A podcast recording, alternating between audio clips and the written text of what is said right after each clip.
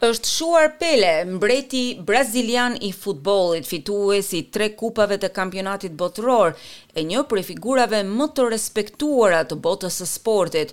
Ju sjellim sot një përmbledhje të jetës së 82 vjeçarit me këmbë të arta.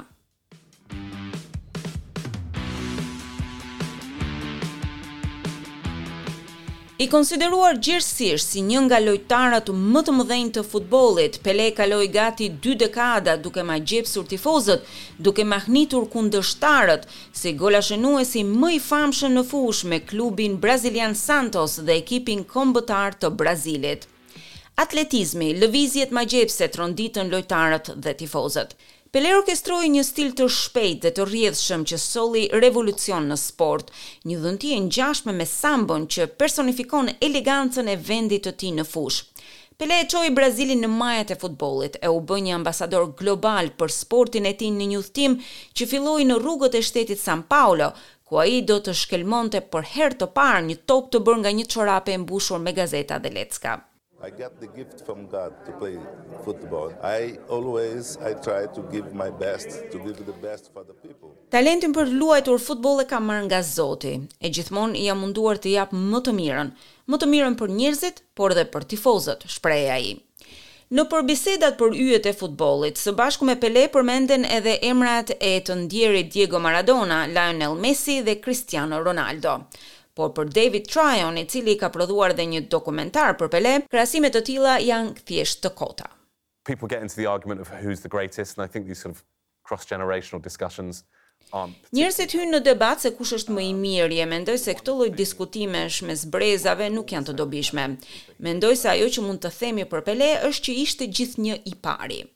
Edson Arantes do Nascimento lindi në tetor një mijë e nëntëqind e dyzet në Três Corações e u bë njeriu i njohur botërisht si Pele.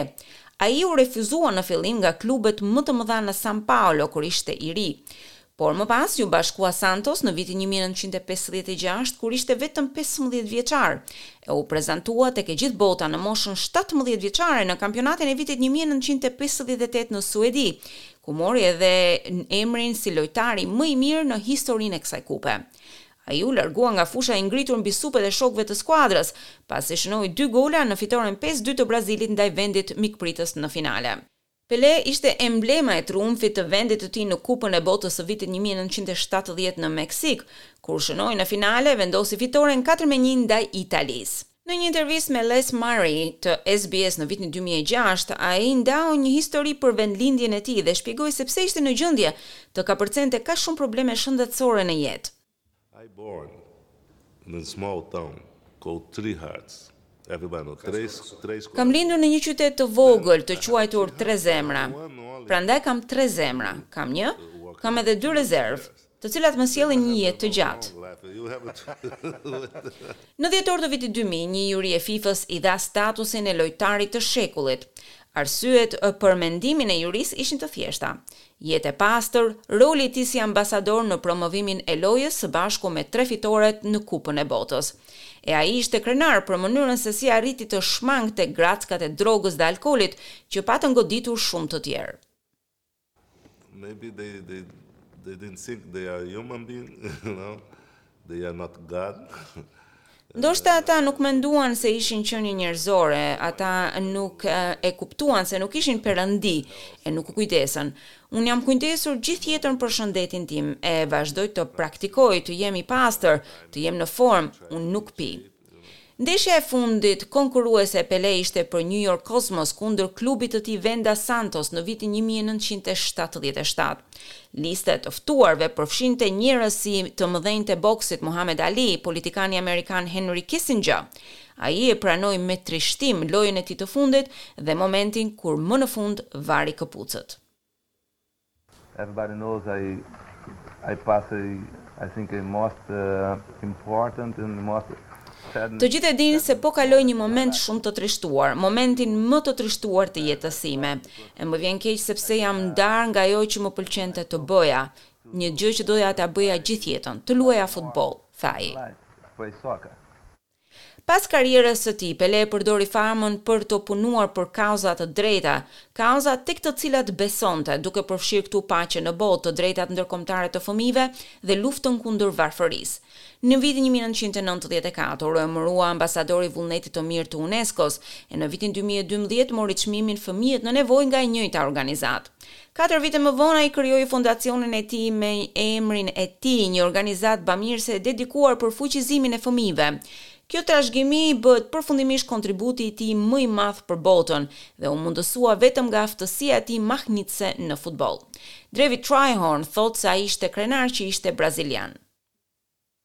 I think the other thing people forget with Pele is that he's very very Brazilian and he loves being Brazilian. He played his whole career in Brazil technically. Mendoj që ajo që njerëzit harrojnë për Pelenë është se ai ishte shumë brazilian. I pëlqente të ishte brazilian. Luajti gjatë gjithë karrierës në Brazil. Ishte njeriu më krenar për të ardhmen dhe për të kaluarën e tij. Ishte krenar për atë që përfaqësonte. E kur fola me të, gjëja për të cilën ishte krenar ishte se e vendosi vendin e tij në hartë për të tjerët. Dhe tifozët brazilianë si Flavio Augusto duke folur gjatë Kupës së FIFA-s në Katar, iu përgjigjën me të njëjtën dashuri. Pele, Pele represents what we are, what we came from, Pele is our roots, is what we are. Pele përfaqëson atë që jemi ne, nga vijmë, Pele është rrënja jonë, ne jemi ata që jemi falë tij, tha ai. Pele kishte shtatë fëmijë dhe ishte martuar tre herë. Ishte vetë ai që e pranonte se kishte të ngjarë të kishte më shumë fëmijë, kjo për shkak të marrëdhënieve të shumta jashtëmartesore. Pavarësisht arritjeve të tij në fushë, Pele kishte kohë që luftonte me shëndetin e dobët. Në vitin një mijë e nëntëqind e shtatëdhjetë e shtatë hoqi veshkën, në vitin dy mijë e dymbëdhjetë zëvendësoi kockën e pelvisit, e gjithë jetën luftoi me depresionin. Në vitin dy mijë e njëzet e një, gjatë një vizite në spital për t'u kuruar ndaj një infeksioni të traktit urinar, zbuloi se kishte një tumor e për t'u shëruar, iu nënshtrua një kimioterapie përpara se të humbiste përfundimisht betejën e tij për t'u rikthyer në gjendje të shëndetshme. Pele ishte tetëdhjetë e dy vjeç.